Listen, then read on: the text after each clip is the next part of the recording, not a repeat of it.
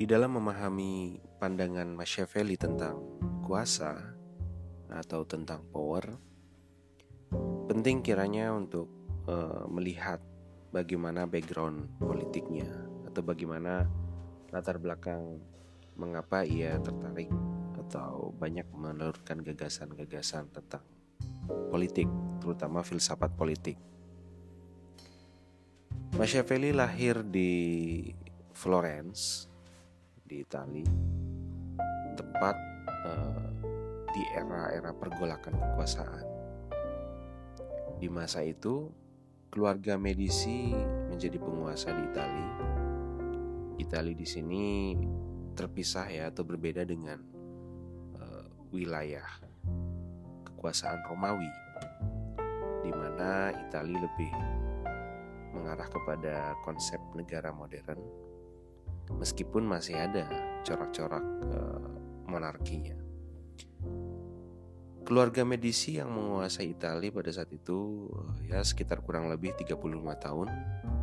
Uh, Florencia itu under control ya. Jadi keluarga ini mengontrol atau menguasai Florencia. Dan di bawah penguasaannya Florencia uh, bisa kita sebut sebagai city state atau negara kota ya. Saat Machiavelli lahir, Lorenzo de Medici uh, itu penguasa ya, artinya banyak orang yang menyebutnya dengan istilah atau dengan nama Lorenzo the Magnificent. Jadi legasinya itu luar biasa, berbeda dengan uh, suksesornya ya. Kita sebut saja Piero yang disebut sebagai raja yang lemah saat Machiavelli lahir, Lorenzo de Medici mengangkat ayah Machiavelli sebagai uh, pemegang otoritas di Florencia. Kemudian Lorenzo digantikan uh, pada tahun 1492 oleh putranya yang bernama Piero. Di sini kita sebut saja sebagai Piero de Unfortunate. Ini berbeda dengan ayahnya jadi legacy yang ditinggalkan tidak terlalu bagus ya. yang juga pemerintahannya terbilang sangat singkat jadi ada invasi ya dari Prancis saat Piero naik sehingga itu menyebabkan pemerintahannya tidak berumur lama saat Charles VIII menginvasi eh, Italia pada tahun 1494 Piero terpaksa menyerah dan kemudian meninggalkan kota. Di samping itu juga memang karena dari masyarakat kota ya uh, tidak suka dengan pemerintahannya, sehingga banyak terjadi pemberontakan. Dan ketika uh, rezim Piero runtuh, Florencia diubah menjadi republik, tidak lagi uh, mengacu pada sistem monarki ya yang cenderung absolutis. Kemudian setelah berubah menjadi republik, ada orang yang sebetulnya masih ada sangkut pautnya ya secara garis keturunan dengan petinggi Romawi terutama dari segi teolog. Jadi dia masih ada hubungan darah dengan Paus. Ia adalah Girolamo Savonarola yang mendominasi politik Florentin. Politik Florentin itu sebutan bagi kondisi atau situasi politik di Florencia. Eh, Florencia itu di mana? Kalau sekarang eh, kalau kita searching-searching ya, saya juga belum pernah ke sana. Mungkin yang mendengarkan podcast ini ada yang pernah ke sana. Uh, Firenze. Disebut juga sebagai Firenze. Uh, ibu kota dari region Toscana Italia. Yang ada sungai terkenal di situ sungai Arno. Uh, dan kota ini dikenal sebagai kota kelahiran Renaissance sejak abad ke-14 sampai abad ke-16 Masehi. Di samping itu, Florencia juga uh, menjadi ibu kota dari region Tuscany. Ya. Uh, kalau orang yang berwisata ke Italia, yang main ke kota, main ke daerah Tuscany, uh, pasti mampir nih ke Florencia. Jadi di kota ini uh, Machiavelli tumbuh dan besar ya. Jadi pemikiran-pemikirannya yang kita kenal sekarang uh, lahir di kota ini. Seperti itu. Jadi uh, kita kembali lagi ke tokoh yang bernama Girolamo Savonarola yang sangat dominan pengaruhnya di kancah politik Florentin pada saat itu. Dia juga berpengaruh dan punya signifikasi uh, signifikansi yang sangat besar ya, sangat signifikan uh, pengaruhnya dalam proses transformasi dari city state ke bentuk republik. Tapi nasib beliau sangatlah malang. Uh, dia sosok yang lumayan kritis atau bisa dibilang uh, cukup unik ya, karena dia masih satu darah, masih ada hubungan kekerabatan dan keluarga dengan uh, Paus dengan para petinggi dari The Holy Roman Empire, tapi dia malah uh, kekritisannya itu mengarah pada tuduhannya bahwa ada salah seorang paus melakukan korupsi.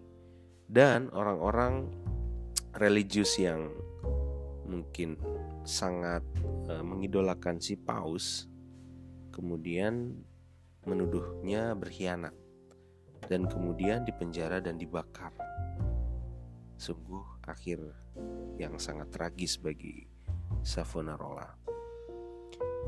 Oke, tonggak sejarah yang kelam yang mengerikan ini ya dari kekritisan kemudian berakhir di hukum mati artinya sangat menyedihkan akhir dari hidupnya. Itulah yang menjadi tonggak sejarah ya. Menjadi awal keikutsertaan Machiavelli dalam politik Florentin. Ini gambaran singkat saja. Eh, kemudian ia diangkat ya.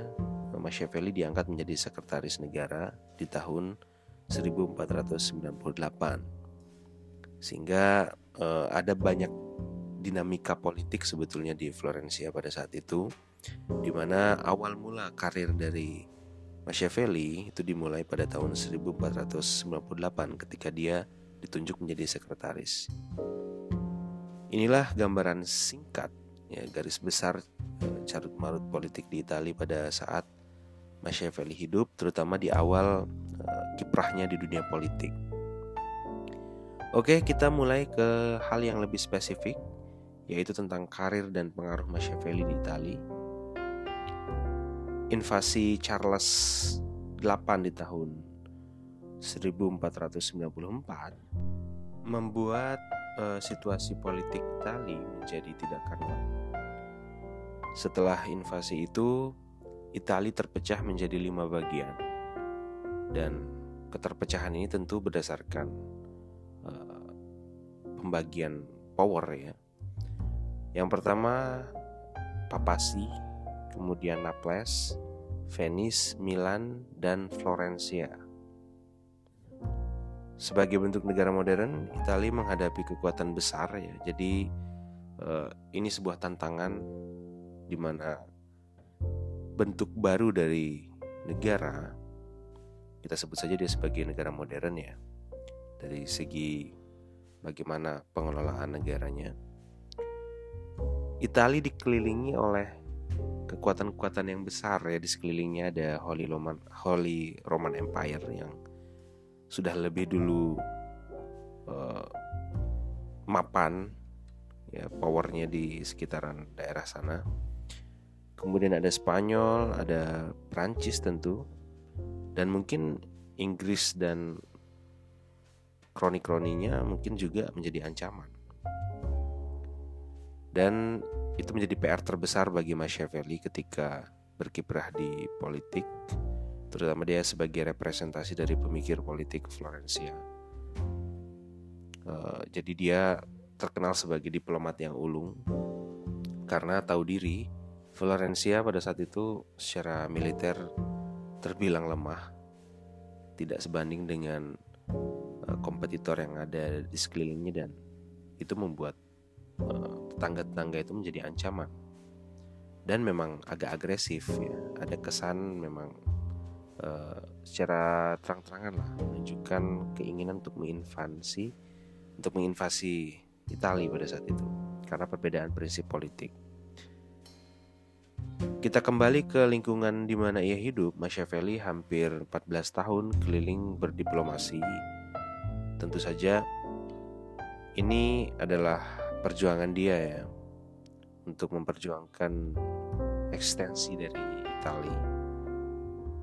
Semua itu sangat perlu karena untuk mempertahankan negara republik dari gempuran kekuatan asing di mana kekuatan militer Italia khususnya Florencia masih rapuh. Dalam kegiatannya berdiplomasi, Machiavelli bertemu dengan Caesar Borgia. Dia adalah anak angkat, kita sebut sebagai anak angkat karena mungkin saja Paus tidak punya anak ya secara biologis. Jadi eh, Cesare eh, Borgia sebagai anak angkat dari Paus Alexander VI adalah pertemuan yang sangat berpengaruh bagi Machiavelli. Jadi dia banyak sekali belajar uh, dari figur ini, dari Caesar. Ya. Meskipun secara head to head, secara bergaining uh, power dan bergaining position, Caesar uh, Borgia itu bisa kita sebut sebagai musuh ya. Dia ada di kubu lawan yang tentu saja sewaktu-waktu akan membahayakan dan mengancam eksistensi dari uh, negara yang dibela oleh Machiavelli. Tentu saja ini berbenturan ya antara Republican views yang dimiliki oleh Machiavelli dengan bagaimana uh, pandangan Caesar Borgia yang merepresentasikan monarki absolut. Tapi si Machiavelli sangat uh, kagum dengan Borgia, terutama dari kecerdasannya dan kemampuannya, kemampuan taktisnya dalam merancang strategi perang. Di samping itu juga dia sangat mahir dalam soft approach yang tidak menggunakan uh, konfrontasi militer fisik ya. Dia juga pandai berdiplomasi. Nah, pertemuannya ini banyak diceritakan oleh Machiavelli dalam uh, The Prince dalam karyanya yang sangat-sangat fenomenal di mana Prince ini bisa jadi merujuk kepada sosok Cesare Borgia. Jadi kalau kita baca buku The Prince karya Machiavelli itu sudah sangat membantu untuk memahami bagaimana perpolitikan di Italia terutama dari akar sejarahnya seperti apa e, referensi ini sangat penting dan sangat membantu untuk memahami itu. Dalam The Prince Machiavelli menjelaskan banyak tentang bagaimana tujuan dari seorang penguasa dan bagaimana tujuan itu terjustifikasi. Sehingga setiap tindakan penguasa bisa dijustifikasi sebagai suatu tindakan yang rasional dalam mengelola masyarakat, mengelola rakyat untuk mencapai suatu tujuan yang demi common good itu. Dan yang menarik di sini ya berbeda dengan eh, rujukan-rujukan uh, lain yang mungkin saja dipublish bersama dengan Prince atau sebagai tandingan-tandingannya, buku-buku karya-karya pemikir lainnya. Uh, Machiavelli ingin mengajak pembacanya atau siapa pun yang tertarik dengan pemikirannya untuk tidak terlalu terkungkung oleh suatu kerangka moralitas yang berbasis teologi yang di mana pada saat itu yaitu Christian morality atau moralitas Kristiani yang lebih tepatnya adalah yang berkembang dan established di tradisi Katolik Roma. Dalam Prince, uh, Machiavelli menawarkan bahwa untuk mencapai suatu tujuan atau common good itu, kita harus berani sebagai pemimpin, sebagai penguasa, untuk mengambil sikap yang tidak terdikte oleh suatu bangunan teologis. Sehingga apa? Moralitas dan nilai Kristiani pada saat itu diletakkan dalam bangunan yang terpisah atau dalam rel yang terpisah. Sehingga dengan demikian eh, penguasa atau pemimpin dapat eh, dengan mudah mencapai tujuannya.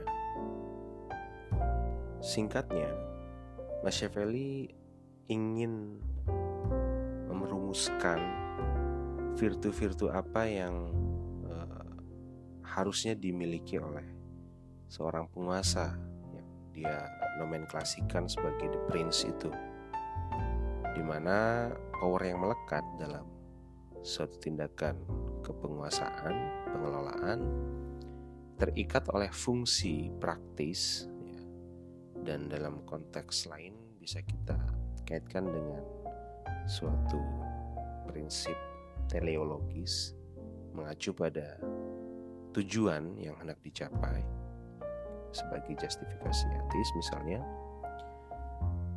di situlah yang ditawarkan oleh Machiavelli sehingga akan ada otonomi dan otoritas tinggi dari seseorang penguasa namun otoritas itu bisa berjalan jika penguasa memiliki beberapa kebijaksanaan, beberapa nilai, beberapa virtu yang kemudian menjamin kerjaannya akan benar, akan bagus. Secara etimologis, kata virtu eh, dalam bahasa Latin akarnya itu pada kata virile yang bermakna manliness. Artinya manliness ini kemudian uh, merepresentasikan suatu kedikdayaan, suatu sosok yang uh, kokoh, ya, sosok yang tangkas, yang kemudian itu menjadi pedoman bagi pemimpin untuk bersikap sebagai seorang lelaki, seorang yang jantan, dan uh, hal itu berimplikasi juga pada bagaimana ia mengelola negara. Maka dari itu bisa kita katakan konsep bernegara dalam pemahaman Machiavelli mengacu pada konsep virtu. Apa yang hendak ditekankannya melalui konsep virtu ini adalah bahwa ruler atau penguasa tidak semestinya terikat oleh moralitas, melainkan melakukan apa yang hendak dicapai untuk merealisasikan tujuan bernegara. Di situlah kadar teleologisnya yang seperti saya maksudkan tadi. Atau dengan kata lain, Seorang ruler punya otoritas penuh atas apa yang diaturnya, di mana setiap uh, tindakannya itu berbasis pada uh, suatu reasoning atau suatu penalaran yang kemudian itu bisa dipertanggungjawabkan. Nah, di sinilah letak uh, keunikan dan kesulitan dari Machiavelli ketika kita ingin memahami bagaimana konsep bernegara dari Machiavelli. Seringkali orang menuduh Machiavelli sebagai biang kerok dari otoritarianisme ya atau mungkin totalitarianisme. Tapi yang paling sering dikaitkan dengan Machiavelli yaitu konsep pemerintahan yang otoriter. Apakah benar demikian? Silahkan nanti bisa kita pertimbangkan lagi. Eh, di posisi mana kita seharusnya meletakkan atau memposisikan Machiavelli. Terlepas dari apakah Machiavelli kemudian uh, mengilhami praktik otoritarian, yang perlu saya sampaikan dalam uh, episode ini bahwa ada beberapa poin yang secara ringkas bisa kita uh, kaji bersama yang akan saya sampaikan di sini bahwa yang terpenting dari filsafat Machiavelli adalah uh, keberhasilan dari suatu negara. Sehingga orang membangun negara atau mendirikan negara itu pasti ada tujuannya.